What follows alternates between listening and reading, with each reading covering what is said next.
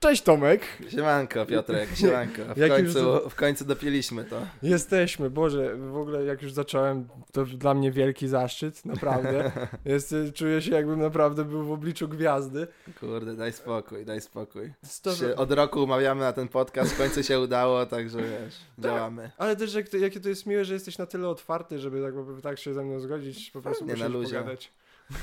Ja nie mam problemu żadnego, stary. Ty właśnie jesteś bardzo, myślę, właśnie takim mm, nie, bezkonfliktowym człowiekiem, co nie? Myślę. Staram się, no, staram się tak, tak żyć, e, raczej bez jakichś tam e, awantur. Ja nie lubię konfliktów specjalnie, Mhm. zawsze jakoś tam starałem się znaleźć rozwiązania, a nie problemy. Zdrowe podejście. To w takim razie cię uderzy od drugiej strony. No, Co, co ci tak naprawdę wkurwia? tak, mnie wkurwia. że, że poszedłbyś na wojnę z tym kurwa. No, nawet też, wiesz, jak oglądałeś wczoraj program, nawet miałem taki segment bitów, że się ostatnio więcej wkurwiam niż kiedyś. To Mhm. chyba jest też oznaka starzenia się. E, kurde, co, no co mnie wkurwia? No są takie, wiesz, wszystkie jakieś takie głupoty, wiesz, świata codziennego, Mhm. które są bez sensu, a trzeba je robić, no to to jest wkurwiające. E, co mnie wkurwia? No pewnie to co wszystkich Polaków, wiesz, PiS, kurwa i... I, i, I ogólnie, wiesz, życie w tym kraju. Polska mnie wkurwia, Jezu, jak mnie Polska wkurwia. I zaczęliśmy, ale jestem bezkonfliktowy. Ale mnie Pol... Wiesz co, ja, ja bardzo lubię Polskę, mamy piękny, ładny kraj Mhm. od maja do września, nie?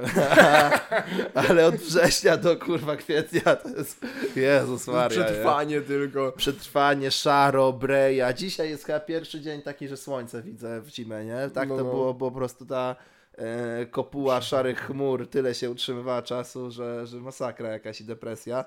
No ale, ale od maja do, do września to jest bardzo fajnie, więc tylko Mhm. czekać na ten, wiesz, fajny okres i będzie gites.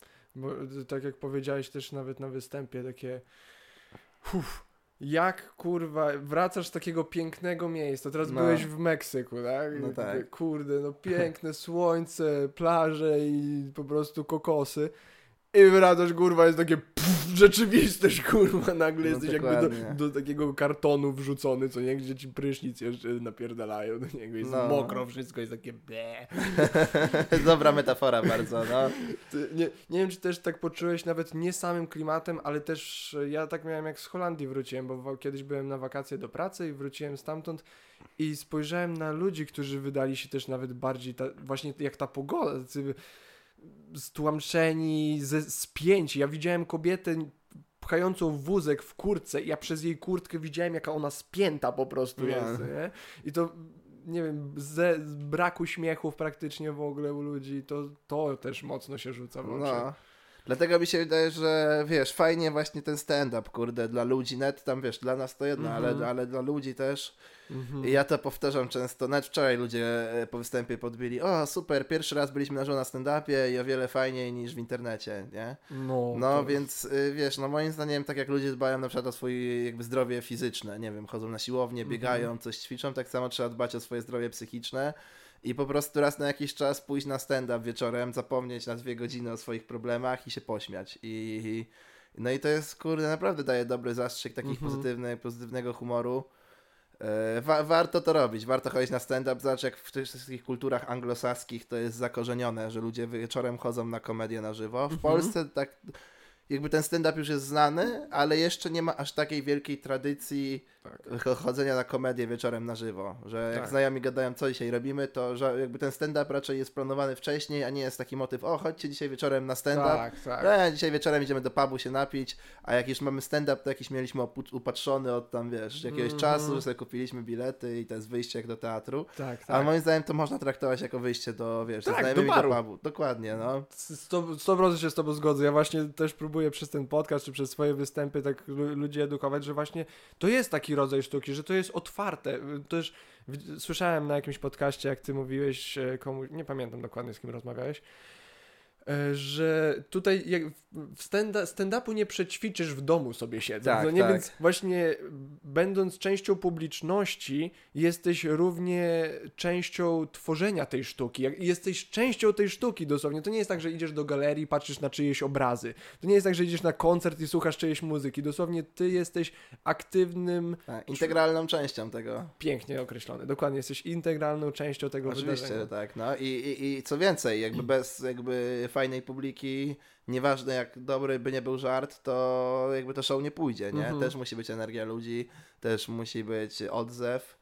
E, no bo, bo wiesz, no jak przyjdą ludzie zblazowani, no to wiesz, no nie ukręcimy y, żartu. Mhm. Nawet jakbyśmy próbowali, no bo żart polega też na reakcji, nie? To jest- Dokładnie.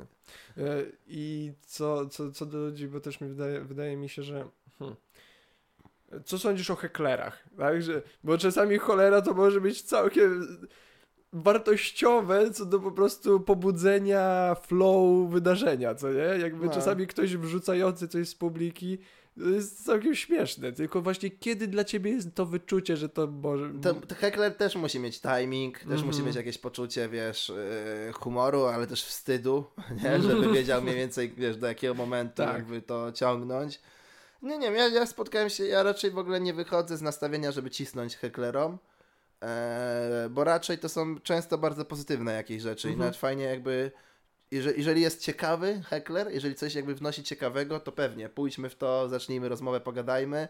E, To często też zależy od stanu e, trzeźwości danej osoby, no bo jak Mhm. ktoś jest pijany i po prostu wiesz, że mordę, no to, to wiesz, to nie ma sensu. Ja pamiętam taki występ e, w, na Mazurach w Giżycku na Stand Up Festival, czyli Mhm. dosyć duży projekt, wiesz, dużo znanych komików, Lotek, Tak. Zola, tam Leja, Błażej Krajewski, tam Darek, no jeszcze mogłem wymieniać, Wiolka Walaszczyk. Mhm. E, Ja tam występowałem akurat tego wieczoru jako pierwszy. W sensie tam był jakiś support był, Lotek, który prowadzi, wychodzi na początek, no bo wychodzi między każdym, no ale jakby dosłownie zapowiada mnie. Wieczór trwa może, nie wiem, no 20 minut na tym etapie. Ja jestem pierwszym komikiem, jeszcze nie będzie, jeszcze trzeba poczekać na Zole i wszystkich, nie? Mhm. I już na pierwszym jakby mo- moim występie ja opowiadam coś i gościu w pierwszym rzędzie, pijany kompletnie, nie było tak! Nie było tak! Mówię, wiesz, co to jest w ogóle za, wiesz, krzyknięcie, to nic to nie wnosi, co, No, no, no. co, co, nie było tak! Ja, ja tam mówię, dobra, wiesz, no z tysiąc osób nie będę, ja nie mam też czasu na takim Mm. występie, jak mam 10-15 minut, żeby wchodzić tak. w polemikę, więc ja tam olałem to, gadam dalej, no ale on po kolejnym, nie było tak! Wiesz, i to już jest na tym etapie tak absurdalne, że już muszę mu powiedzieć, o co ci chodzi w ogóle, co ty kurde, wiesz, krzyczysz i podbili do niego ochroniarze No. i powiedzieli, słuchaj, jeszcze raz będziesz krzyczał, to cię wypierdolimy, nie? I on wytrzymał może dwie minuty i wiesz, nie było tak! Najebany i go wyjebali, nie, zobac i nie zobaczył nikogo, wiesz, w pierwszym rzędzie 200 zł bilet, czy ile tam kosztuje, nie? Uuu. Nie zobaczył nikogo, bo po prostu nie mógł wytrzymać tego, żeby nie drzeć mordy, nie było tak, nie? Ja. I nie zobaczył wszystkich tych, wiesz, komików, którzy byli po mnie. Nie, nie, nie miał szans po prostu, nie? I najlepsze, że on był z kolegą, ten kolega normalnie siedział, został cały występ, a tego by wrzucili, bo nie mógł wytrzymać. Ej, no z Wiesz. drugiej strony ja też bym pewnie został, kurwa, jakby No, mojego no najebanego pewnie, ziomka. stary, no jest jakiś ziomek drze mordę. Nie było tak. No, Okej. Więc wiesz, no jeżeli są tacy heklerzy, no to to nie ma sensu i to trzeba takich ludzi pacyfikować, wypraszać, bo to po prostu psuje dynamikę całego show. Wiesz, przyszło tysiąc osób na to, no to wiesz, jest mm. tysiąc osób, które jest, jakby chcą się pośmiać, bawić, a nie, mm -hmm. róbmy wokół jednego dubka, co po prostu potrzebuje tak, tak. atencji. Tak. W sensie, w tej sytuacji się stuprocentowo z Tobą zgodzę, ale jak wyobrażam sobie taką sytuację w klubie, nie, nie mówię, żeby go nie wyrzucili, bo pewnie skończyłaby się tak samo, ale kurwa, w klubie jakby taki gościu krzyknął taki bezsens za piątą 56 razem, a już na pewno po, po ostrzeżeniu, co nie, no. ja bym walił bek. nie, no na pewno. Ale jak mówisz, właśnie tysiąc osób siedzi, to już jakby przynajmniej 500 on ich nie obchodzi, co nie? Dokładnie, wiesz, no ja też mogę się pośmiać, nie? Tylko, że to jest jakby fajne w momencie, w którym on próbuje też zrobić coś komediowego mm -hmm. a mhm. jeżeli on po prostu jakby opiera się na tym, że tylko krzyczeć nie było, tak? No, pijany. I jest kompletnie pijany, nic nie wnosi jakby innego, nie ma żadnego innego mm -hmm. tekstu, tylko w kółko, nie było tak, to wiesz, na którymś etapie już po prostu To jest bez jakby- sensu, nie? To ciągnąć. No to już raczej się wydaje jako takie naumyślne po prostu przeszkadzanie. Dokładnie, wiesz, i to jest różnica między, wiesz, fajnym, ciekawym hecklingiem, gdzie możemy fajnie, wiesz, wejść coś ciekawego, zmontować na scenie, Mhm. A między po prostu takim typowym przeszkadzaniem i darciem mordy na jebusa, no to wiesz, no to są dwa, dwie różne rzeczy. Dlatego mówię, no to jest wszystko zależy od, od tej osoby, która gdzieś tam się wcina. Okej. E, Bo ty, bo ty występujesz już długo. No, trochę tak, trochę tak. W tym roku będzie dycha. 10 lat w tym roku. W tym Czyli roku, już możesz no. powiedzieć, jesteś tu, tak? Jesteś zawodowcem amerykańskim. No to kurde, jeszcze wiesz, czy amerykański, to w Ameryce podobno 15-20 lat zajmuje Tak. przebicie się. Ale to pewnie różnie, no bo są też przecież Pete Davidson czy ten Daniel Sloss, co stosunkowo młodo wypłynęli, więc to pewnie Aha. zależy od komika. Okej, ja tak zawsze powiem, wiesz, Rogana słucham praktycznie codziennie i on w wielu podcastach powiedział właśnie w rozmowie z komikami, że właśnie 10 lat. Jeżeli robisz to 10 lat, możesz powiedzieć, że jesteś komikiem. I Okej. z w rozmowie z Jaśkiem Borkowskim właśnie to zarzuciłem. On mówi takie, bo on chyba 12 lat, 13, coś takiego to robi i miał takie "No, dużo, ale może i tak. Myślę, że w Polsce jest trochę inny tego próg, no bo w Polsce Mhm. sam stand-up ma ile? Eee, w 2008 rok, no to 15 lat. Mhm. Więc wiesz, w Polsce sam stand-up dopiero ma 15 lat, to wiesz, nie wiem ile robi stand-up Mateusz Socha czy Zola, ale na pewno krócej ode mnie, no bo oni się później pojawili. Mhm. Czyli oni mogą, nie wiem, robić załóżmy, nie, nie chcę teraz strzelać, 6-7 lat stand-up, a są mega profesjonalnymi komikami sprzedającymi największe sale. Mhm. Więc myślę, że ten jakby czas jest e, też względny w zależności od osoby, nie? Jasne. Niektórzy potrzebują go więcej, niektórzy mniej. Ty, bo jak zacząłeś występować, miałeś 16 lat? Tak jest, no. Ja, jak, to, jak to wyglądało? Po prostu co, pozwolenie musiałeś na kartę, podrobiłeś podpis mamy? Czy Na, na open prostu- mic'a nie, ale pamiętam, że jak miałem pierwszy występ telewizyjny, y, ja miałem 17 lat wtedy w TVP, Mm. to wtedy musiałem przynieść naprawdę pozwolenie od rodziców na ten występ telewizji, nie? Ale- Musiałem przynieść, bo to się w ogóle nazywało chyba ten program y, tylko dla dorosłych. O, okej. Rociński doprowadził. I I ja, wys- 17-latek wchodzi. i ja występowałem w programie tylko dla dorosłych, tak. To się nazywało Dzięki Bogu już weekend tylko dla dorosłych i ja nie byłem dorosły, a tam byłem. Ależ to jest... Więc ja musiałem wtedy przynieść faktycznie podpisaną zgodę od mamy na występ Mhm. w telewizji, no. To pamiętam, że tak było.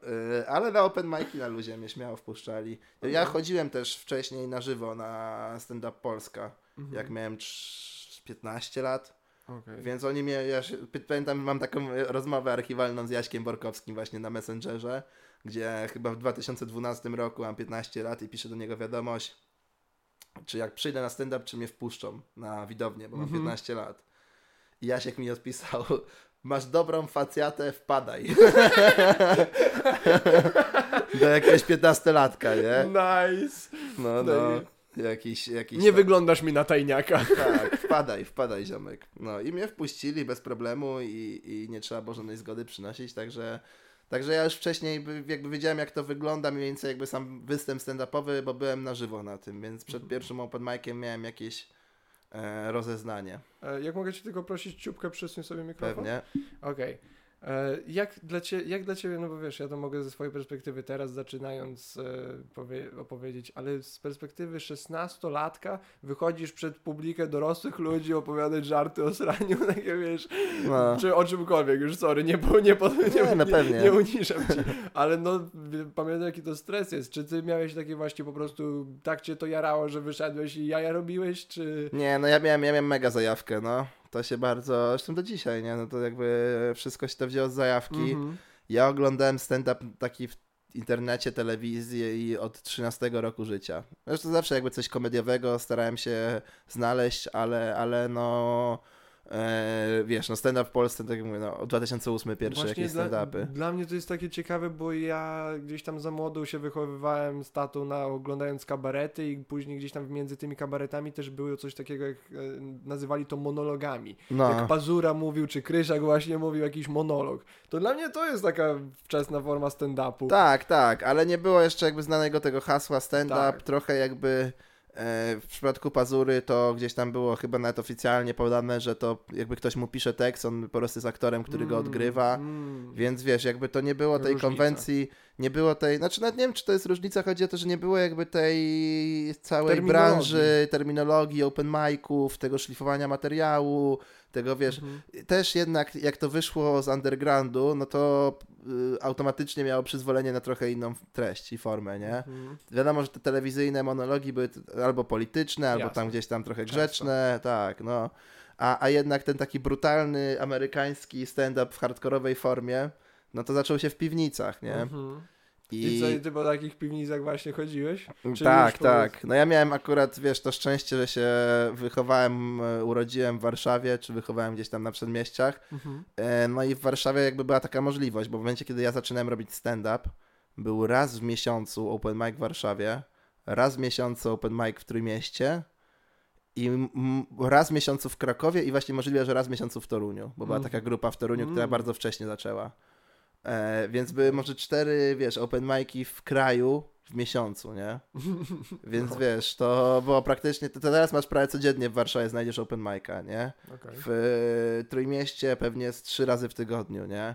Ogólnie, wiesz, jakby występów stand teraz jest mnóstwo, jak popatrzysz sobie, wiesz, piszesz na kup bilecik, czy na jakimś innym portalu z biletami, mhm. hasło stand-up i przelecisz przez miasta, no. to, to, jest tego codziennie mnóstwo wszędzie. Wtedy tego nie było prawie w ogóle, więc yy, wiesz, no ja miałem to szczęście, że i tak mogłem w Warszawie raz w miesiącu wyjść i pogadać, nie? To jak, jakie to jest cudowne, bo ja tak lubię, już ci kiedyś mówiłem, ja wierzę w jakimś stopniu w dzieloną świadomość i ty też jesteś 9-7, prawda? Tak jest. Właśnie jak zacząłem oglądać twoje stand-upy, to raz, że też mówisz o Iranie i w ogóle, więc to jest jakby humor. Zagrało. Tak, ja humor łapię twój i naprawdę jestem fanem tw twojego stand-upu i bardzo cię lubię jako osobę, przynajmniej z tych interakcji, jakie mieliśmy. I lu, lu, bardzo, ja się cieszę szczęściem innych. Więc jak widzę, Pozytywnie, że. Ty, dobrze jasne, uważam naprawdę, że to jest, wiesz, pozytywne. Tak, Su pewnie. super, że się komuś powodzi. Jakby im więcej. Ja chciałbym, żeby wielu, wszystkim się powodziło. Chciałbym, żeby wszyscy byli zadowoleni. No wiadomo. Czemu mam się nie cieszyć, że komuś się udaje? E, może wiesz, mogę się nie cieszyć, jak ktoś kurwa kogoś zajebał i przejął po nim majątek. to już takie. Hardkorowe wchodzimy. To, to nie wiem, czy się mu powodzi tak do końca, bo to powiedzmy kwestie duchowe, dobro, zło. Pomijając to. Ogólnie bardzo lubię patrzeć, że ty też udostępniasz na social mediach swoje życie i że jest ono takie pozytywne. Czy, nie wiem dlaczego wyszedłem z tym pytaniem teraz troszeczkę, no. ale mm, z, o wiem, e, z, to, z tą zajawką właśnie, czy, czy ty cały czas się cieszysz, czy w ogóle zauważasz to, że mogłeś być częścią właśnie rozwoju tej sztuki, którą tak się fascynujesz w Polsce? Wiesz co, mi się wydaje, że to jest kwestia spojrzenia e, z perspektywy. Na przykład z mojej perspektywy ja zawsze mega szanowałem e, czy to komików ze Stand Up Polska, wszystkich, którzy byli mm -hmm. przede mną, zwłaszcza pewnie Czarka Jurkiewicza, Karola Kopca, którzy praktycznie od zera stworzyli kulturę stand-upową w Warszawie i tą w ogóle całą formułę open miców. Tego nie było, nie? Oni musieli wyobraź sobie, że w ogóle nie ma open miców, no. nie ma no. niczego pod hasłem stand-up i oni musieli to stworzyć, nie? No, no. no to wiesz, jakby z mojej perspektywy gościa, co zaczął 5 lat po nich, no to ja ich szanowałem za to, co, co oni jakby zrobili, Ile jakie fundamenty. Prostu, no. Czy tak samo na północy Polski, wiesz, Abelard Giza i Kacper Ruciński, bo myślę, że Kacper w podobnym momencie próbował rozkręcić na północy jak Czarek Jurkiewicz y, w Warszawie. Mhm. I e, no i wiesz, jakby dla mnie to byli tacy, że mówię, wow, ale oni jakby stworzyli dla mnie grunt, nie? A no, możliwe, no. że wiesz, gdzieś tam dla jakiegoś kolejnego pokolenia komików, e, możliwe, że ja jestem taką osobą, o, ale on fajnie przetarł ścieżki dla osób nastoletnich, nie? Mhm. Ja tak nigdy na siebie nie patrzyłem. Właśnie ja wiesz, moja perspektywa była taka, że podziwiałem, wiesz, chłopaków, którzy byli przede mną, że to zrobili. No ale jeżeli jakby ja tak patrzę w stronę ich, to możliwe, że ktoś tak też patrzy, wiesz, z kolejnego pokolenia w moją stronę. Jeżeli tak mhm. jest, no to jest mi bardzo miło, wiesz, że coś tam mogłem dołożyć. Yy, ale, ale nigdy tak jakoś na siebie nie patrzyłem w ten sposób, mhm. nie? Okej, okay, w sensie mnie to zainteresowało, bo mówisz właśnie z tego podziemia praktycznie wychodząc, występowałeś przez te wszystkie lata.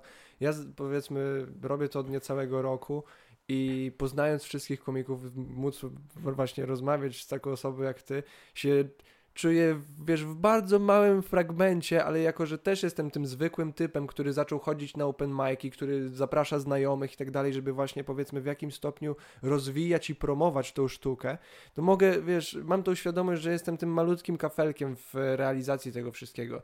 I oczywiście nie, nie zakładałbym, że ty jesteś kafelkiem właśnie już raczej jako jakiś pilar tego biznesu w Polsce mo można byłoby cię postawić, e, ale to nadal jest ta rola. Czy jesteś świadomy właśnie i do, doceni... Myśl, myślę, że czy świadomie, czy nie, do, doceniasz właśnie to, że możesz być częścią i że to rzeczywiście w twoich oczach się rozwija. Nie, no tak, no, oglądając w ogóle rozwój stand-upu w Polsce na przestrzeni lat, od momentu, kiedy ja zaczynałem, do momentu, w którym jesteśmy teraz, mhm. mega się rozwinęło. Nikt, wielokrotnie gadałem z ludźmi, co gdzieś tam zaczynali w podobnym czasie jak ja nikt się nie spodziewał, że to tak pójdzie szybko. Może się spodziewaliśmy, że to się rozwinie, ale że aż tak szybko, w takim Mhm. tempie w Polsce, że wiesz, do momentu, kiedy teraz są stadiony, wyprzedawane No. areny, są komicy, co wiesz, mają swoje biznesy, restauracje, jakieś, wiesz, yy, mnóstwo tego jest, nie? Już stand-up Mhm. wszedł do yy, kultury masowej w Polsce zdecydowanie i też pokazało to może niektórym celebrytom, może niektórym, wiesz, jakimś ludziom e, świata show biznesu, Mhm. że można bez, bez kompletnie udziału telewizji, Tak. bez udziału jakichś dużych mediów, tylko i wyłącznie za pomocą internetu doprowadzić do tego, że komicy zostali, wiesz, no, gwiazdami ogromnego formatu, nie? Mhm, Wyprzedają, w- w- przecież solowo spodek został wyprzedany parę razy przez, przez Rafała, przez właśnie tak. Mateusza. Mhm. E, wiesz, wielu komików wyprzedaje ogromne sale. Tak, wasza trasa przecież. e, Ten please stand up, tak, no właśnie. też wiesz, bez udziału praktycznie żadnej telewizji, Mhm. e, gdzie no było trochę takie zaściankowe myślenie pewnie w naszym kraju, że wiesz, no cały show biznes to jest telewizja, a Tak. okazuje się, że internet właśnie, i myślę, że stand-up jest takim, może rap był takim pierwszym przykładem, Mhm. że, e, że faktycznie jakby samym internetem można zrobić, dotrzeć do, do mas, a, a stand-up zaraz potem k- y, kolejnym przykładem w Polsce na to, że gdzieś tam, wiesz, ta kultura oddolnie wychodząc e, z jakichś piwnic, wiesz, trochę traktowana jako takie e, w, jako taka sztuka marginesu, tak jak teraz nazwałem swój program, czyli wiesz, no jednak przekleństwa, hardkorowe tematy, gadanie naprawdę, wiesz, czasami pojebanych rzeczy, ale w konwencji utrzymanej śmiechu i zabawy Tak. I okazuje się, że to nie jest wcale, wiesz, e, dla 15 osób, tylko to może być masowa akcja w Polsce, Mhm. więc, więc mega się to rozwinęło.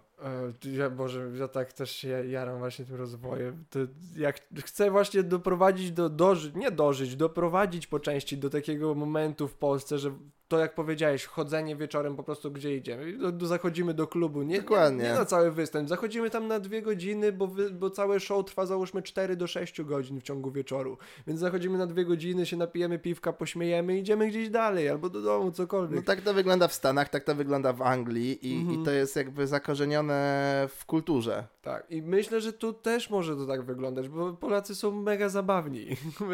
Ja, ja znam tylu typów śmiesznych, kurwa. Jak, ja mówię teraz, jakby jeszcze, jako że to ewoluuje, ludzie się przyzwyczajają, ludzie właśnie dopiero poznają, co to stand-up. Nawet na twoich występach pewnie nierzadko spotykasz kogoś, kto jest pierwszy raz na stand-upie. Nawet wczoraj. Właśnie. No, Dokładnie, więc e, kiedy to już wejdzie w krew, powiedzmy ludziom, i zaczną, i ludzie też nie tylko pod kątem chodzenia na stand-up, ale robienia stand-upu, że to będzie coś po prostu hobbystycznego, to będzie coś, czego ludzie będą aktywnie próbować, żeby, sobie, wiesz, trochę jak pójdziesz na judo i spróbuj, czy ci się to spodoba. pewnie. Pój- Pójdziesz, cokolwiek, właśnie pójdziesz spróbować opowiedzieć jakąś śmieszną historię komuś po prostu.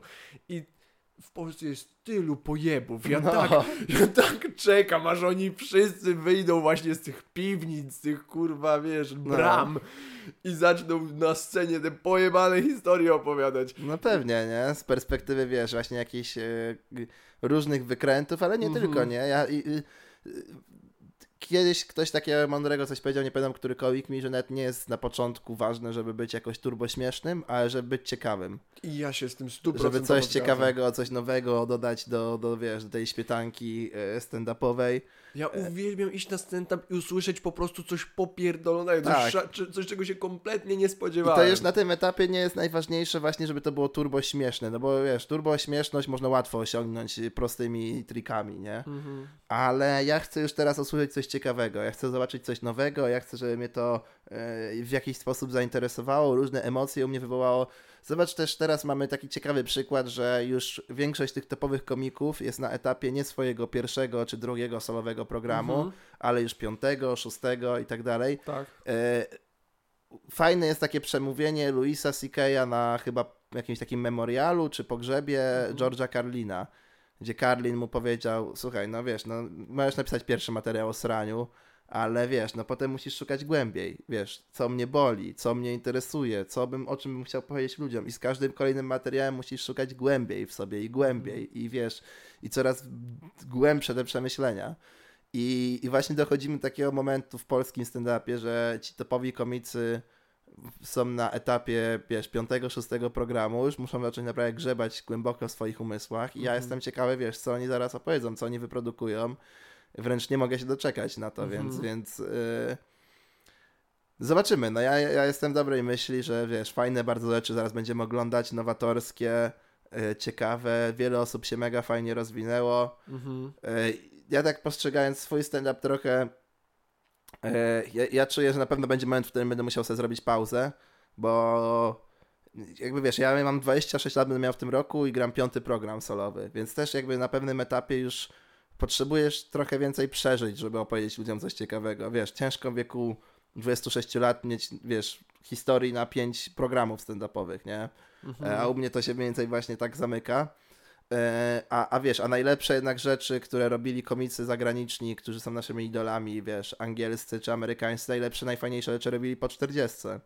Bo dopiero To wtedy, prawda. wiesz, no jakby Louis C.K. zaczął co roku wydawać materiał po 40, nie?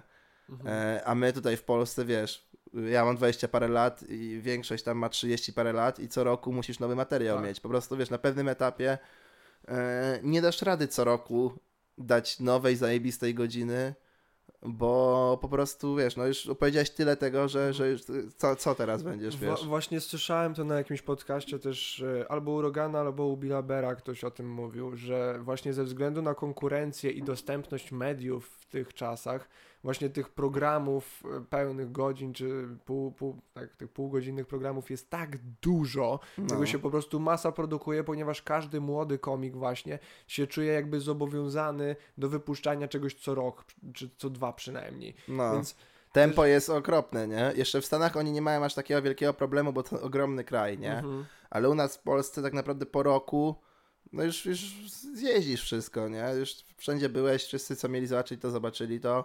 Chyba, żebyś grał, nie wiem, no trzy razy w miesiącu, no to faktycznie możesz to wydłużyć do dwóch Mhm. lat, nie? Ale, ale, ale zazwyczaj po roku już po prostu będziesz miał zjechany cały kraj, wszyscy to usłyszeli i wiesz, no i co będziesz męczył, to e, no już, już trzeba to wypuścić, tak. nie?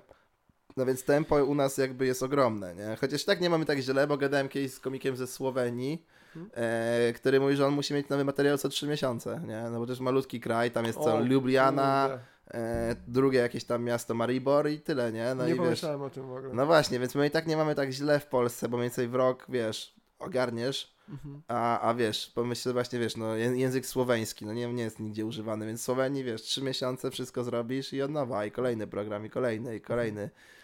A co sądzisz o takim, bo na przykład wczoraj z, z o Jezu, przepraszam wszystkich. E, wczoraj jak z Kubą rozmawiałem, pozdro Kuba W, e, to powiedział mi, że on większość swoich pro, e, pomysłów wypracowuje na scenie. I ja na przykład właśnie tak jak też w jakimś e, po- podcaście czy gdzieś opowiadałeś, że niektórzy ludzie wolą nawet na open mic'i chodzić, bo lubią widzieć ten proces powstawania tej sztuki. Pewnie. I mi brakuje na przykład właśnie takiego takiej improwizacji właśnie, czy na przykład taki komik nawet jak ty, nie mógłby sobie zrobić roku jeżdżenia z, jakim, z jakimiś innymi komikami i po prostu wychodzenia i próbowania mu, wiesz, jakiejś y, y, improwizacji po prostu. Coś ala luźna gaducha. Co, coś ala. Może mieć jakieś właśnie pomysły na coś, o czym chcesz mówić, ale tak kompletnie lecieć po prostu z flow i z tym, co ci podrzucą też z widowni. Czy... No pewnie, czy- wiesz, a, myślę, że też e, jakby Adam Sobaniec i Michał Kutek udowodnili, że, że można to robić, nie? Oni Mhm. są bardzo dobrzy w crowdworku, e, więc wiesz, no jakby wykorzystali to, zrobili sobie tą wspólną gaduchę i ja to zawsze lubię bardzo oglądać, jak wrzucam na YouTube jakiś, wiesz, fragment.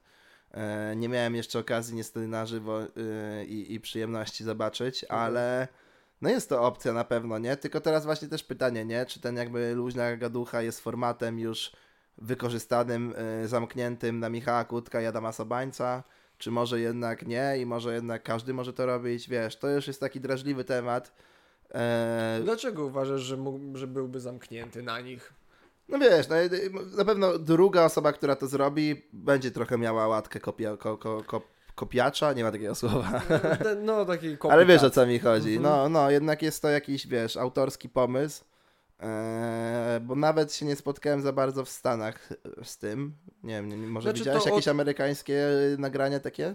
Mm. Zbudowane na crowdworku tylko? Bo ja Tak, mówiąc... tak, bumping mics. A, Bumping Mics, no, faktycznie. Więc wiesz, to już można też podciągnąć, ale to, to jest jedno, ale nie mówię, bo ty zrozumiałeś, że z drugim komikiem w parze, że to robisz. Mówię po prostu jeżdżąc z jakimś komikiem, on robi swoje, a ty wychodzisz powiedzmy jako support czy gość Czaję, o co ci robić chodzi. swoje. No jest to, jest to na pewno, wiesz, ryzykowne, nie? No bo crowdwork jest w zależności od tego, jacy ludzie przyjdą, jak to się, wiesz, O. potoczy. To zarzucę, sorry, że tak wejdę, wydłużę to pytanie. No, Co no. sądzisz o dawaniu ludziom robić show po swoim występie? E, ra, raczej uważam, że open mic'i powinny być na początku, nie?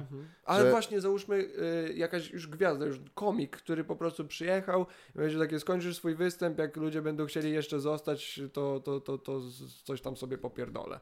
Jak ludzie będą chcieli zostać. Czy byłbyś na coś takiego otwarty, czy to raczej nie jest... W, w takim forma? sensie, że ja miałbym to robić, czy, czy Nie, nie, ktoś by nie. po mnie miał wyjść? Kto, ktoś po prostu Wiesz co, myślę, że raczej lepiej jakby energia szła w górę, e, nawet jeżeli wiesz, jest jakiś prost, nawet ostatnio miałem taką sytuację, że Mhm. napisał do mnie Socha, gdzieś tam grałem w Zielonej Górze, czy może wpaść na open mic'a, bo by chciał sobie potestować bez w okolicy.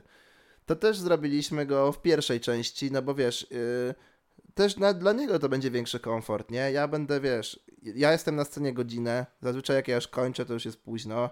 Ludzie już, wiesz, mają, okej, dobra, no były dwie godziny, już idziemy do domu. e, I nagle jeszcze, a zostańcie, bo jeszcze, wiesz, ten wchodzi. No to jest ryzykowne też, nie? Czy oni chcą zostać, czy nie, a co Ale- jak nie będą chcieli zostać, to co, on po prostu zostaje, wiesz, z ręką w nocniku. No. Więc raczej, no to pewnie, no to róbmy. No, właśnie o to mi chodzi. Jeżeli, bo z, z, wydaje mi się, że właśnie często już ludzie na koniec występu mają takie okej, się naśmialiśmy, idziemy, idziemy do domu, ale niektórzy by jeszcze walili melanż w sumie. I No wydaje czaję. mi się, że to jest fajna okazja dla właśnie jakiegoś pojema, żeby wszedł i z jakieś takie rzeczy, które nawet właśnie na początku występu nie chce, żeby psuły klimat albo jakieś oczekiwania złe budowały, a właśnie chciałby to po prostu wrzu- wrzucić albo wyrzucić dla ludzi, którym już nie zależy, bo oni już są usatysfakcjonowani i w ogóle i wiesz, i teraz możemy jeszcze pocisnąć. Myślę, że to trzeba być mega prosem, żeby takie coś zrobić, nie? Żeby to w ogóle wyszło. Hmm. E, Ja słyszałem kiedyś, że Dave Chappelle na tym swoim dziesięcioletniej banicji e, robił coś takiego, że po prostu jeździł motorem po Stanach i zatrzymał się w jakimś barze, pytał się, czy mają mikrofon i zaczął gadać, nie? No, no. I nagle ludzie wszyscy, wow, Dave Chappelle zaczyna gadać, nie? I nagle się, wiesz, po pół godzinie bar był pełny, bo No. wszyscy dzwonili do znajomych, słuchaj, przy Dave Chappelle zaczął gadać. Wiesz, nawet nie miało być stand-upu tego dnia, nie? Po Mhm. prostu ludzie Znam siedzieli, pili browarki, on nagle, wiesz, brał mikrofon i zaczynał, wiesz, kurde, robić show, nie? Mhm. Moim zdaniem, żeby coś takiego, wiesz, zadziałało, musisz być mega prosem, musisz oczywiście mieć też jakby tą e, bazę rozpoznawalności, że wow, Dave Chappelle, E, no bo wiesz, jakby to zrobił, nie wiem, no komik, który w ogóle nie jest znany, nagle wiesz, ludzie siedzą, gadają, ktoś bierze mikrofon, coś im pierdoli, dobra, daj spokój, daj nam, wiesz, posiedzieć, pogadać, ale jak to robi Dave Chappelle nagle z dupy, Mhm. wiesz, no też byś się obsrał, jakbyś, nie wiem, siedział w jakiejś, kurde, wiesz, e, pijalni wódki i piwa na rynku w Toruniu, a nagle wchodzi Abelard Giza i zaczyna robić stand-up. No też by No się tak. każdy, wiesz, wow, nie? Tak. Ale jakby tam wszedł, nie wiem, no kurde, e, jakiś open micer, to wszyscy by to mieli w dupie, nie? Więc to trzeba, trzeba mieć na pewno do tego background Autorytet. solidny, no. No. Autorytet to jest ładne słowo. Stanowczo. No, no w sumie dobrze, dobrze powiedziałeś. Tak, tak o tym nie myślałem, ale pewnie tak by było. Ale jeżeli ktoś by, wiesz, miał taki autorytet i był na tyle chętny, żeby to robić, no to pewnie, nie? Chappelle to zrobił i podobno zajebiście było. No, wydaje mi się, że to mo- mogłoby zadziałać, ale rzeczywiście jak mówię... Ale ja się na przykład nie czuję, żebym ja miał taki autorytet, nie? Mhm. Więc myślę, że to jeszcze dużo, dużo czasu. Właśnie też wydaje mi się, bo w tej chwili jakby się bym z tobą zgodził, ale czy w sytuacji, w której stand-up byłby taki bardziej mainstreamowy, właśnie jak powiedzieliśmy o tych barach, co nie, że po prostu kluby będą, w których, do których ludzie będą wchodzić, wychodzić, no myślę, że już kiedy to będzie na tyle spopularyzowane, to nie będzie aż takiej spiny. Oczywiście na, jak teraz i zawsze będzie spina wychodzenia po kimś, kto jest dobry, no nie, bo jak nagle masz te super żarty i patrzysz na swoje i masz takie, o kurwa, myślę, że ten stres będzie zawsze, bo słucham od komików w Stanach, że jakby tak jest, ale No ludzie nawet w Polsce jeszcze nie mają takiej świadomości w ogóle tego trochę jak stand-up działa. W sensie Mhm. oni po prostu idą na stand-up, koleś opowiada żarty, jest śmiesznie albo nieśmiesznie.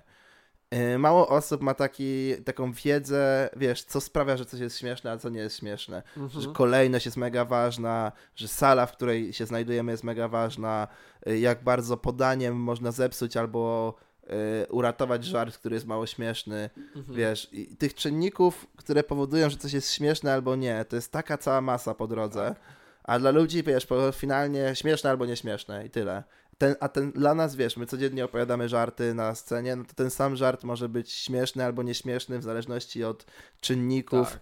które po drodze wystąpią jednego dnia się okazuje, że coś jest, wiesz, genialne i sala po prostu pęka i są brawa, a drugiego dnia mówisz to i to w ogóle nikogo nie śmieszy, nie? Mhm. I, i czemu tak jest? No dlatego, że jest wiele czynników po drodze, które sprawiają, że żart zadziała albo nie. I myślę, że ludzie jeszcze nie mają takiej świadomości tego właśnie, wiesz, i, i, i tego, tego, jak wiele rzeczy prowadzi do śmieszności. Mhm.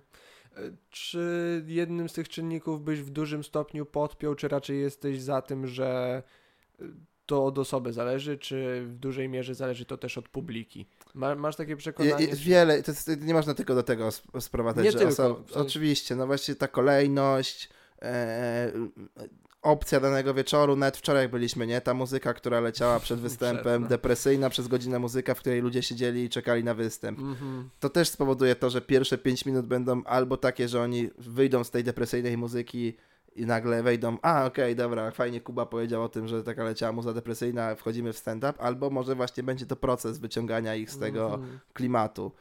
Y, wiele, wiele, wiele rzeczy ma na to wpływ. To, jak sala jest oświetlona nawet, przecież im jest ciemniej na widowni, tym ludzie się bardziej śmieją. To jest trik znany od zawsze, bo wiesz, nie jesteś taki, w ciemności jesteś anonimowy, Tak, coś ktoś powie jasne. pojebanego, okej, śmieję się, bo, ale jak jest jasno, to będzie widać, że ja się śmieję z tego pojebanego Mhm. czegoś, nie?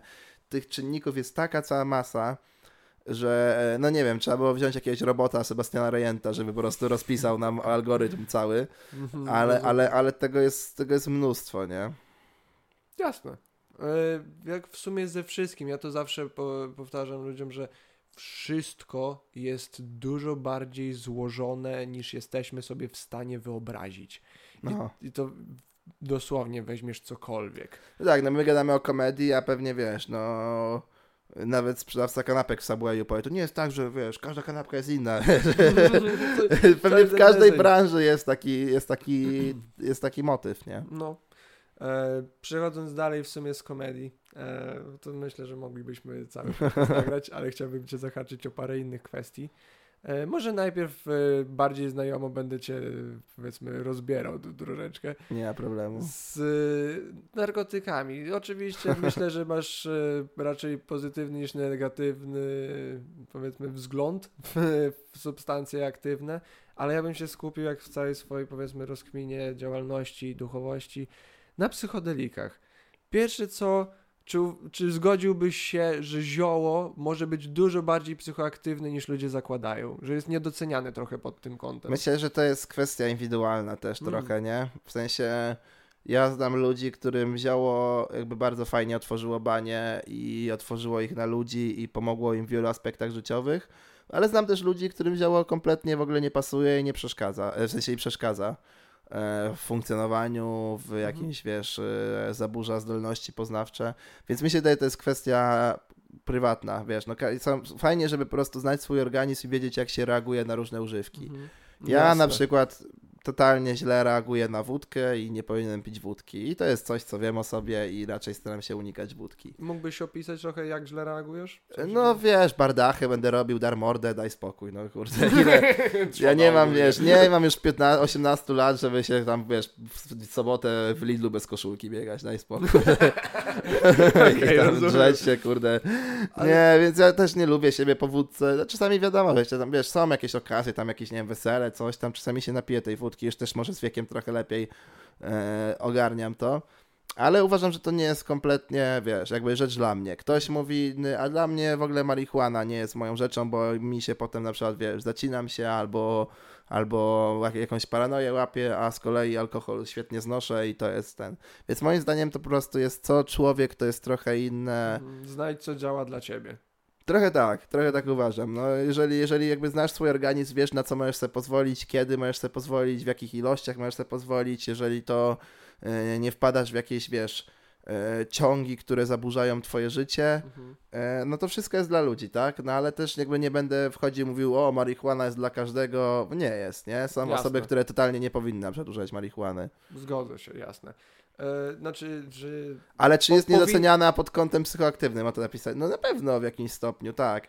Spotkałem wiele takich osób, które na przykład y, powiedziały mi, kurde, ja w ogóle byłem taki nieśmiały i, i do osób raczej miałem czasami problem, żeby się w ogóle odezwać i, i, i się jakby wszystko, y, byłem typowym overthinkerem, wszystko prze, przeanalizowałem za, za Mhm. bardzo, a jakby zapaliłem zioło, trochę mnie to wyluzowało, trochę pozwoliło mi to złapać dystans i jakby e, funkcjonować w społeczeństwie lepiej. Spotkałem dużo takich osób, którym Dokładnie. zioło bardzo, wiesz, fajnie pomogło nawet społecznie. E, no ale nie można tego generalizować, że to wszystkim tak zrobi, nie? Jasne, to jest, ja to podchodzę do tego tak, to nie jest dla każdego, ale powinno być dla każdego dostępne. Dokładnie, nie, no to, że wiesz powiedzieć, tak to idzie do przodu w Polsce. Mamy tą medyczną i, i gdzieś tam to z roku na rok się posuwa do przodu. Oczywiście, że powinno być dostępne. W sytuacji, w której mamy alkohol, wódkę, która jest największą trucizną, e, jest to dostępne w każdym sklepie, jeszcze na stacji Mhm. benzynowej w ogóle, gdzie jest miejsce, Coś- gdzie samochodem przyjeżdżasz, jest woda, nie ma problemu, nie? E, Więc, więc to, jest, to jest, i wiesz, papierosy, które są o wiele bardziej szkodliwe niż marihuana, nie ma problemu, są dostępne. Oczywiście, że tak. Oczywiście, że to powinno być dostępne, legalne, powinna to jakby iść w parze z edukacją, Mhm. e, wiadomo, a, a, ale powinno to być dostępne i to w ogóle nie podlega dyskusji. tak w lo- 2023 roku. tak, no. tak logiczne i tak wałkowane, że aż co nie... No tak, bo Ciężko wiesz, jakby to, mówić. Mhm. nawet jeżeli ktoś ma jakieś często negatywne doświadczenia z marihuaną, to dlatego, że dostał słabą marihuanę. A czemu dostał słabą marihuanę? Ponieważ jest Nielegalna. nielegalna i na osiedlu nie wiesz, jaką dostaniesz. Tak.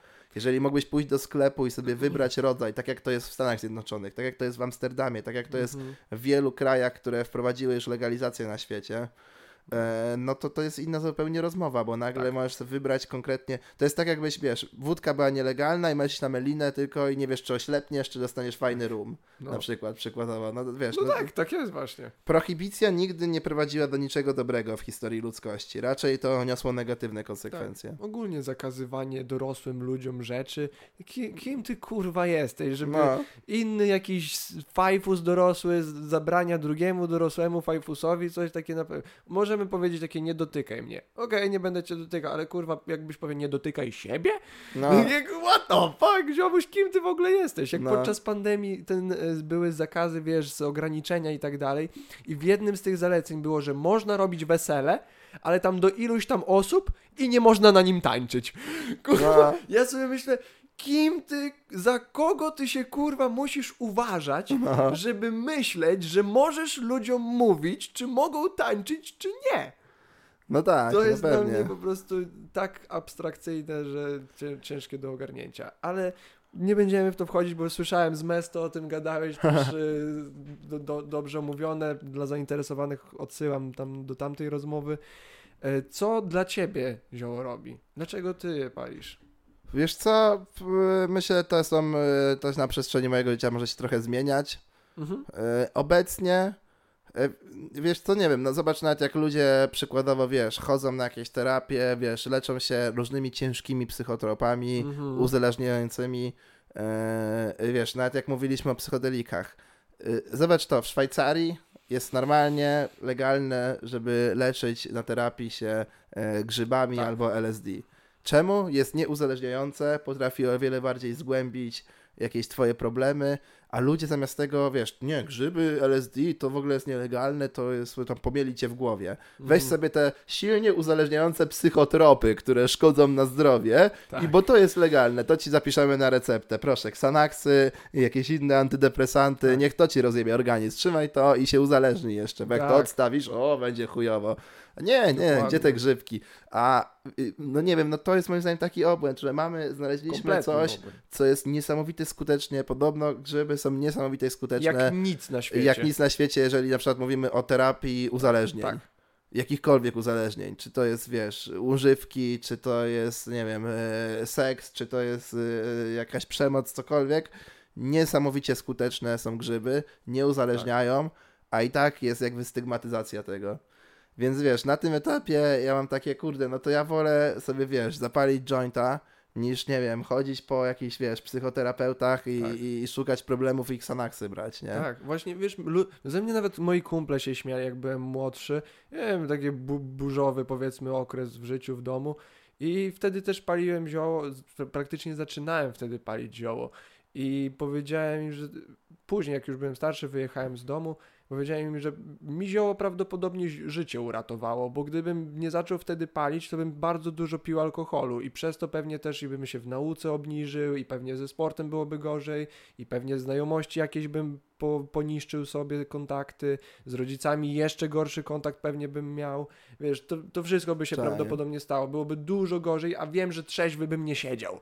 No, rozumiem. Też wiem, jakby nie chcę, wiesz, jakby sprawiać tego, do, że jak masz problem, to zapal działo i Nie, będzie nie super, o to bo to nie o to chodzi, bo to, to jest ucieczka na chwilę. Tak. ale jakby w momencie, w którym już ktoś naprawdę potrzebuje pomocy, to uważam, że jest to o wiele lepsze wyjście niż branie jakichś psychotropów czy silnie uzależniających Tak. antydepresantów. W sensie cieszy mnie to i też tak o tym mówię, bo mnie, jak powiedziałem wtedy, koledzy wyśmiali, że im powiedziałem, że, że mi to, że ja palę, bo mi to pomaga. Bo mi to pomaga żyć, pomaga mi to spać normalnie, nie mam koszmarów. Tak, no Jakby- wiadomo, wiesz, ktoś ma problem z apetytem, no to Tak. kurde, wiesz, bierze jakieś, y, te reklamy są, daj dziecku apetizer, naćpaj go, pewnie, nie? Przecież to. Paweł Chałupka ma świetny bit o tym stand-upowy, o tym apit, a, a, a, apeta, appetizerze, że wiesz, że po prostu rodzice, które wbijają strzykawki w dzieci, czemu on nie chce jeść, nie? Su- Super jest ten beat Pawła i to idealnie pokazuje. Wiesz, ja nie mówię, żeby dzieciom dać marihuanę, nie? Oczywiście jakby nie o to chodzi, ale jeżeli wiesz, dorosła osoba ma problemy, nie wiem, właśnie ze snem, z apetytem, e, nawet CBD. Mhm. CBD moim zdaniem jest genialną opcją, to nie daje w ogóle Stuprocentowo bezpieczne. 100% bezpieczne, to jest wiesz, jak piwo bezalkoholowe, w sensie jakby nie daje żadnej fazy, Mhm. a pomaga tylu osobom na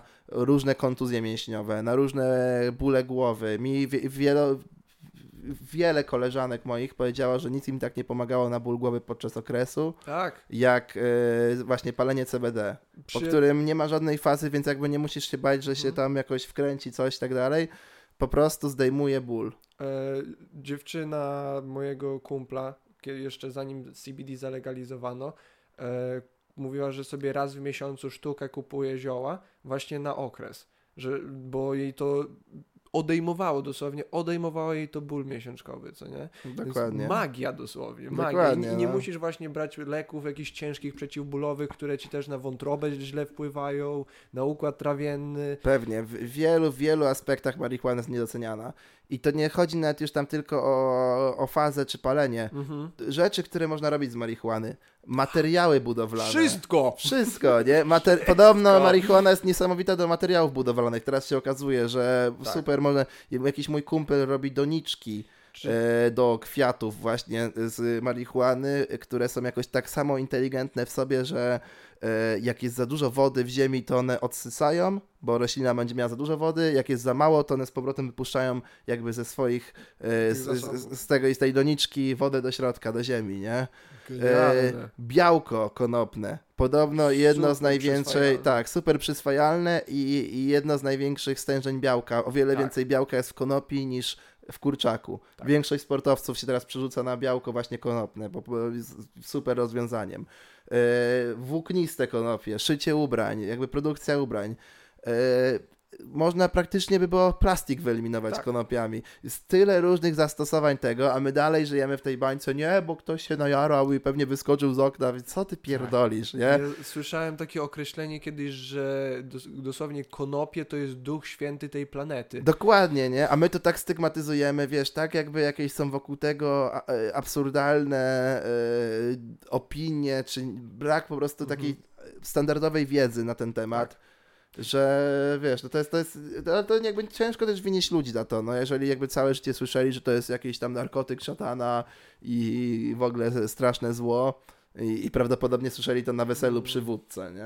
No, Ale wiesz co, ja na przykład troszeczkę winię ludzi pod kątem bycia zamkniętym na fakty po prostu, bo jak zaczniesz ludziom tłumaczyć, że cała ta kryminalizacja i delegalizacja tych substancji jest powiązana z przemysłem papierniczym, z przemysłem e, paliwowym, później jeszcze do tego właśnie z całą rewolucją hipisów i wiesz, jakby dekry- kryminalizacją wszystkich tych psychoaktywnych e, substancji, to są, wiesz, wszystko fakty, które są na dokumentach nawet opisane. I zaczniesz to ludziom przedstawiać i nadal wo- będą woleli cię nazwać, wiesz, spiskowcem i że, że co ty tam pierdolisz, zamiast właśnie spojrzeć na to i, i jakoś tak to przyjąć i aktywnie przeanalizować. Takie, może rzeczywiście to wszystko, co ja myślę, bo jeżeli tylko ich nazywasz głupkami i mówisz, że trzeba legalizować, to rozumiem to podejście, że takie, no całe życie mi mówili, że to złe, a teraz nagle niby, że to dobre. No to okej, okay, można mieć taki dysonans, ale kiedy jesteś stawiany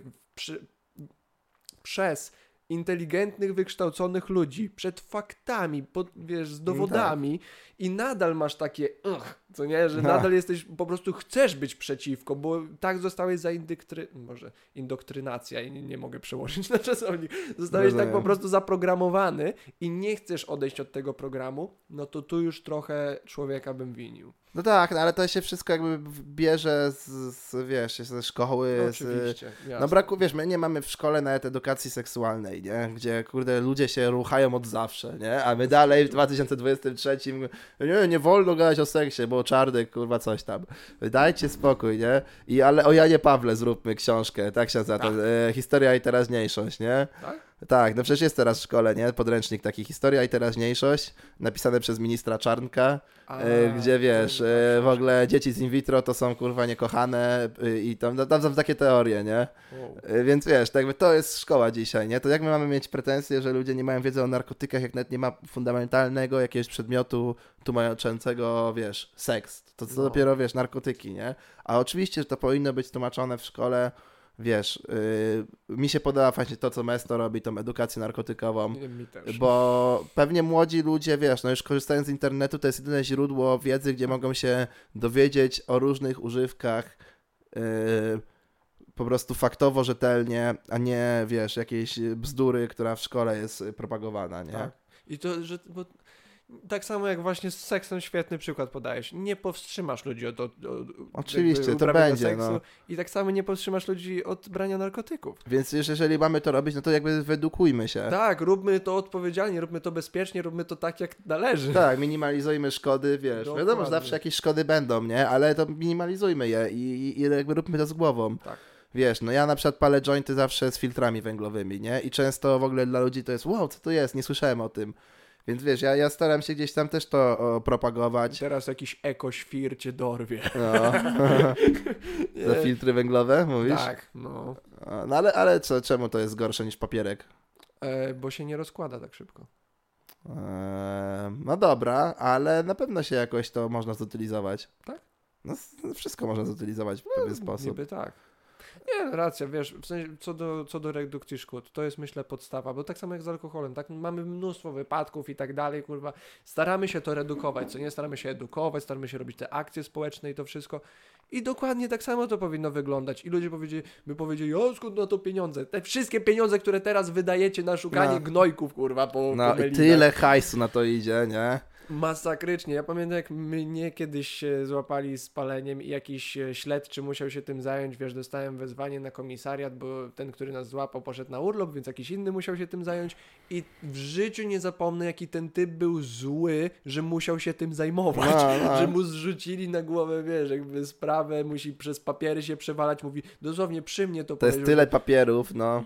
Takie kurwa ma, czemu po prostu wam nie mogą mandatu na ulicy wystawić, teraz muszę się trzy dni jebać z tymi papierami papierami. No właśnie, nie? Takie, aż mi się go trochę szkoda zrobiło, co nie? No wiesz, policja w Polsce no to ma swoje hity ostatnio, nie? Przecież granatnik z komendantem odpalony, e, te dwie małolaty wzięte do radiowozu, gdzie się radiowóz rozwalił. Też ostatnio jakiegoś, chyba tam policja goniła jakiegoś dzieciaka, bo niby coś ukradł ze sklepu, się okazało, że kajzerkę, nie? Co chwilę w tym kraju po prostu, wiesz, no policja... Wiadomo, jest dużo policjantów kumatych, fajnych, którzy też jakby czają, że marihuana powinna być legalna ale jest wielu takich kurwa trepów.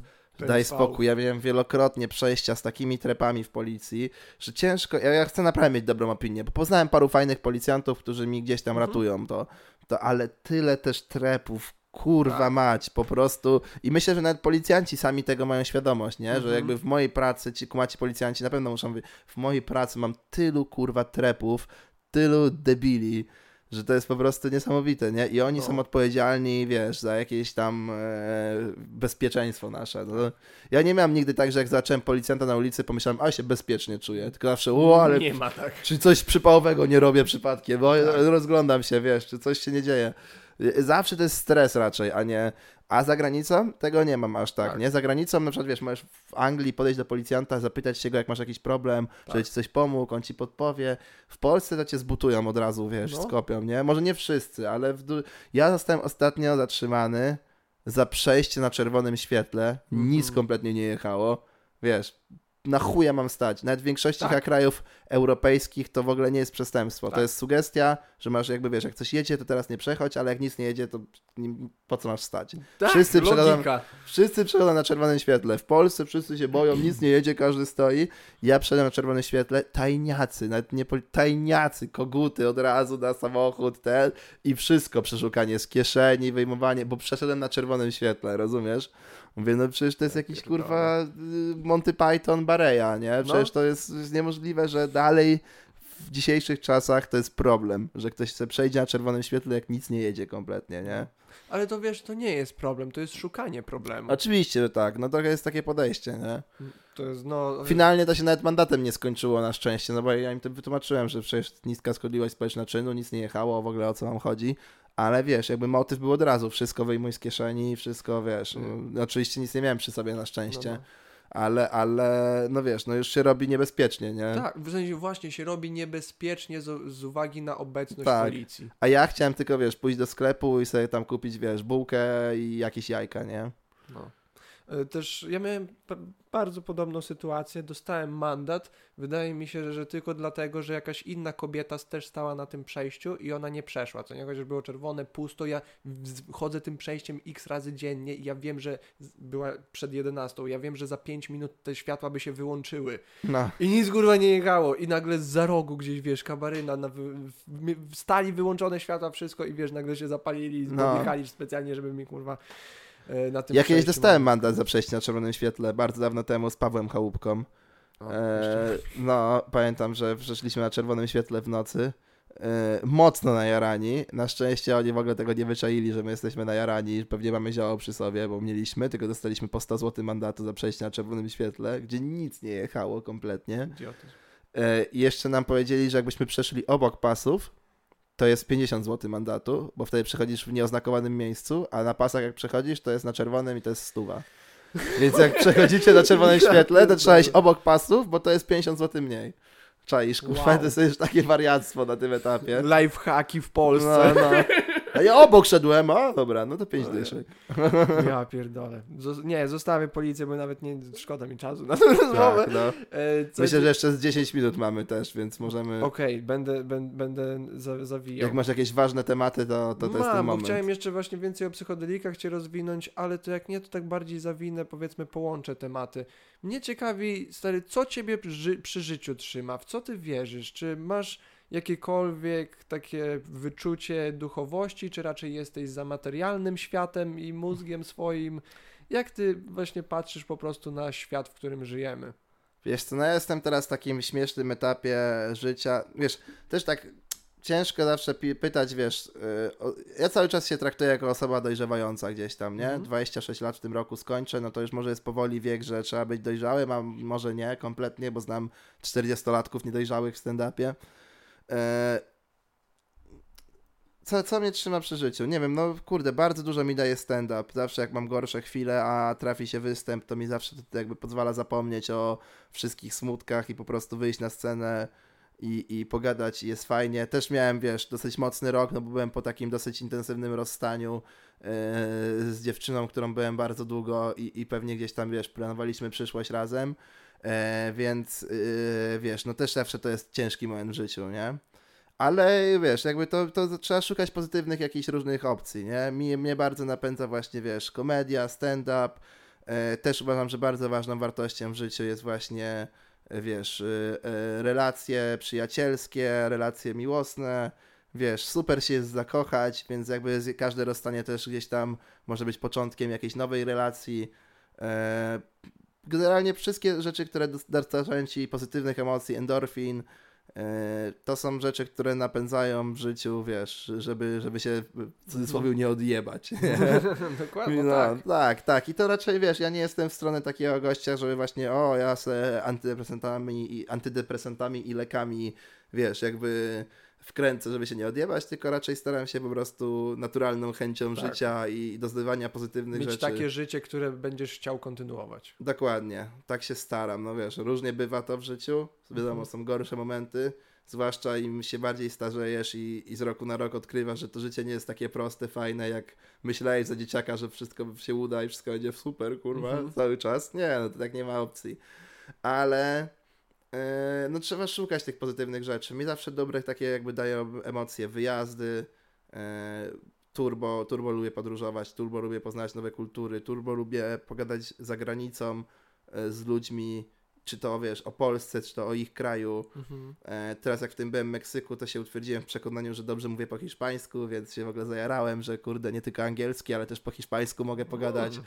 E, gdzie zawsze raczej, ja chodziłem do hiszpańskiego liceum i często jak byłem w hiszpańskojęzycznym kraju, byłem z moimi znajomymi, gdzie jeden mój kumpel mówi perfekcyjnie po hiszpańsku. O, okej. I ja po prostu przy nim się czułem, wiesz, jak kali jeść, kali pić debil, a teraz pojechałem z ludźmi, którzy nikt nie mówi po hiszpańsku i nagle byłem troglodytą, poliglotą. nice. I, I wiesz, te moje osiem czasowników na krzyż y, odmieniane przez osoby i zaimki sprawiło, że nagle jestem, wiesz, i nawet mnie tam chwalili, czy Hiszpanie, czy Meksykańcy, y, że fajnie mówisz po hiszpańsku. Ja, mówię, kurde, Nice. byłem zadowolony z siebie. Y, Więc wiesz, wyjazdy, poznawanie właśnie nowych kultur, y, różnych ciekawych miejsc. Świat jest tak ogromny i tak piękny, że nie można się tylko na Polskę zamykać. Ja nie mówię, że u nas nie jest ładnie. W Mhm. lato jest bardzo ładnie. Ale jednak jest tyle różnych ciekawych w lato, tak. Ale nawet widziałem wczoraj taki film na Instagramie y, y, Things to do in Poland in winter. I Leave. jeden leave, tak. I to jest to. Coś tym jest. Podróże kształcą. Tak? Podróże, więc tak, właśnie jak pytasz, co mnie trzyma przy życiu. Podróże, komedia, wiesz, relacje przyjacielskie, wyjścia wieczorne. Ja trochę zawsze miałem taki vibe, ja to nazywam śródziemnomorski styl życia. Mhm. Czyli wiesz, wyjścia wieczorem do knajp, rozmowy, wiesz, i, i, i po prostu spędzanie życia, wiesz, w taki sposób. Zawsze najbardziej dobija to chyba wszystkich, samotność, nie? Jak siedzisz sam na chacie wieczorem w domu, no to są takie często momenty, kurwa, ja pierdolę, jest gówno życie, nie? A, Mhm. ale zawsze staram się wtedy myśleć, że wiesz, jest tyle osób, które, nie wiem, leżą teraz w szpitalu, ktoś, wiesz, jeździ na wózku inwalidzkim, ktoś ma jakieś naprawdę, wiesz, różne choroby czy historie i zazdroszczą tobie życia, że jesteś zdrowy, że możesz robić rzeczy, że... Tak. Wiesz, na, na pewno mam życie, które wiele osób chciałoby żyć takim życiem, więc zawsze jak mam jakieś gorsze momenty, staram się jakby skupić na tym, co dobrego i pozytywnego mam i, i jakby, wiesz, nie fiksować się tymi negatywnymi myślami, Mhm. nawet jak one są. Czasami dobrze, nawet Louis C.K. miał taki fajny, wiesz, jakby opowieść, że czasami fajnie przez chwilę być smutnym i wiesz, nie wiem, wypłakać się, przejść te wszystkie negatywne emocje, bo jak tylko to się skończy, dostajesz taki zastrzyk endorfin i pozytywnego humoru, bo wyrzuciłeś z siebie, też nie można tłumić tych negatywnych Tak, emocji, tak. ale wyrzuciłeś je z siebie i chwilę później po prostu wjeżdża ci It's a wonderful day, hej, i masz uśmiech na twarzy, jest Tak. super. Więc nie wiem, no trzeba to wszystko jakoś zbalansować, trzeba znaleźć w życiu rzeczy, które dają dobrą energię i po prostu się ich trzymać i, i, i starać się jakoś iść przez życie, wiesz, Mhm. pozytywnie. Ty raczej nie jesteś religijną osobą. W kontekście takiej, ja nie, nie, nie lubię instytucji kościoła, jestem bardzo anty. E, co to znaczy re, religijną? To znaczy właśnie przestrzegającą jakichś zasad konkretnego wierzenia, konkretnej struktury właśnie kościoła czy czegoś innego. To raczej nie. Nie. A czy byś powiedział, że właśnie odczuwałeś, doświadczałeś, bo wiem też, że jakieś psychodeliki masz doświadczenia, czy w takich momentach, czy w innych momentach w życiu miałeś, tak nie wiem, czy nie- kwestionowanie to może jest złe słowo, ale czy miałeś nagle taką perspektywę, że w tej rzeczywistości jest dużo więcej niż to nasze doświadczenie tutaj? Oczywiście, że tak. Be, be, próbując psychodelików typu grzyby, LSD, czy nawet miałem okazję DMT, Mm. e, no to, to na pewno do, doznajesz to wrażenie, że to nie jest wszystko tutaj, co się dzieje. Mhm. Że wiesz, też interesując się trochę kosmosem, fizyką, równoległymi wszechświatami yy, i, nagle wiesz, na, na pewno jest coś więcej niż to, gdzie my teraz żyjemy, nie? Ja generalnie lubię w ogóle tematy kosmosu, lubię alieny, mam Mhm. aliena, dziarę na półnogi yy, i, i wiesz, i, i wydaje mi się, że, że jest, jest coś więcej niż, niż to, co doświadczamy tutaj, ale nawet nie chcę próbować zgadywać co, Mm. Bo to jest niemożliwe, nie? Hmm. Wiadomo, możesz sobie, wiesz, zapalić DMT i tam pogadać chwilę z bogami, ale wiesz, no, na ile to jest twoja wyobraźnia, na ile to jest de facto doświadczenie jakieś, które wspólnie mają różni ludzie. Jest zajebisty żart, nie wiem, pole, jak nie widziałeś, to mega ci No. polecam serial e, The Good Place, widziałeś? The Good Place? Nie, nie widziałem. To jest ogólnie serial, który przedstawia, co się dzieje po śmierci. Okej. I jest, jest to, wiesz, Laska pojawia się w pierwszym odcinku w tym biurze i w tym biurze, powiedzmy, w zaświatach jest zdjęcie takiego nastolatka. I ona mówi takie, a kto to jest? No. A typek, który ją tam przyjmuje, o, to, to jest jakiś tam Jeffrey, jakiś tam e, chłopak z Stanów w latach 80., najadł się z kumplem grzybami i nagle wpadł w jakąś superwizję i zaczął im opowiadać, że wydaje mu się, że dokładnie to, co tu opisał, dzieje się po śmierci. I miał rację, więc jest trochę tutaj takim celebrytą. Spoko, fajny motyw. No więc tak jak mówisz, nie, no, nie, nie, nie zgadniesz tego. Nie, nie, wie- ja wiesz, ja trochę mi się nie chce wierzyć, że wiesz, jest jakby niebo i tam siedzi Mhm. stary mędrzec i tam No, decyduje, rozumiem. przegląda księgę, o zrobiłeś to i zrobiłeś tamto, ale jest jakaś energia pozaziemska, jest jakaś energia w kosmosie. E, Wiesz, dla mnie na tym etapie nie wierzyć w kosmitów, to już musisz po prostu być ignorantem, ignorantem matematyki, nie? No, no. Bo jeżeli jakby bierzesz pod uwagę prawdopodobieństwo, jest tak ogromny wszechświat i, i tak mamy zerowe pojęcie o tym, Jest jak to jest nieskończony dosłownie. jest nieskończony, więc... musisz założyć, że jest gdzieś jakieś życie pozaziemskie. I teraz pytanie, no skoro jest, to czy są mądrzejsi od nas, czy głupsi? No moim zdaniem są i tacy, i tacy, Mhm. nie? Jeżeli są jacyś turbo mądrzy, no to kurde, to, to już postawia ci kolejne jakby, wiesz, tezy. Czy oni ogarnęli może symulację i my jesteśmy w symulacji, a może oni sami nie wiedzą, a może, wiesz, coś jeszcze innego. Jest po prostu Mm, tyle jakby tyle teorii, tyle różnych, że nie ma się co schizować, że ja muszę znać odpowiedź, bo to religia co? Religia jest po to, że y, dać ludziom jakąś odpowiedź. Mhm. O, ta religia mówi, że jest tak, to mam, że jestem pewny, że jest tak. A ta religia mówi, że jest tak, o nie, ci pierdolą, tak nie jest, kurde. To, co moi mówią, to jest tak. Nikt, kurwa, nie wie i nie ma co szukać odpowiedzi na coś, co nie jesteś w stanie zweryfikować w żaden sposób. Po prostu trzeba żyć, być dobrym człowiekiem i, i wiesz, i, i liczyć na to, że coś miłego cię spotka. W najgorszym wypadku nie ma nic i co? To też będziesz miał to w chuju, bo umrzesz, nie? A to jest najgorszy jakby...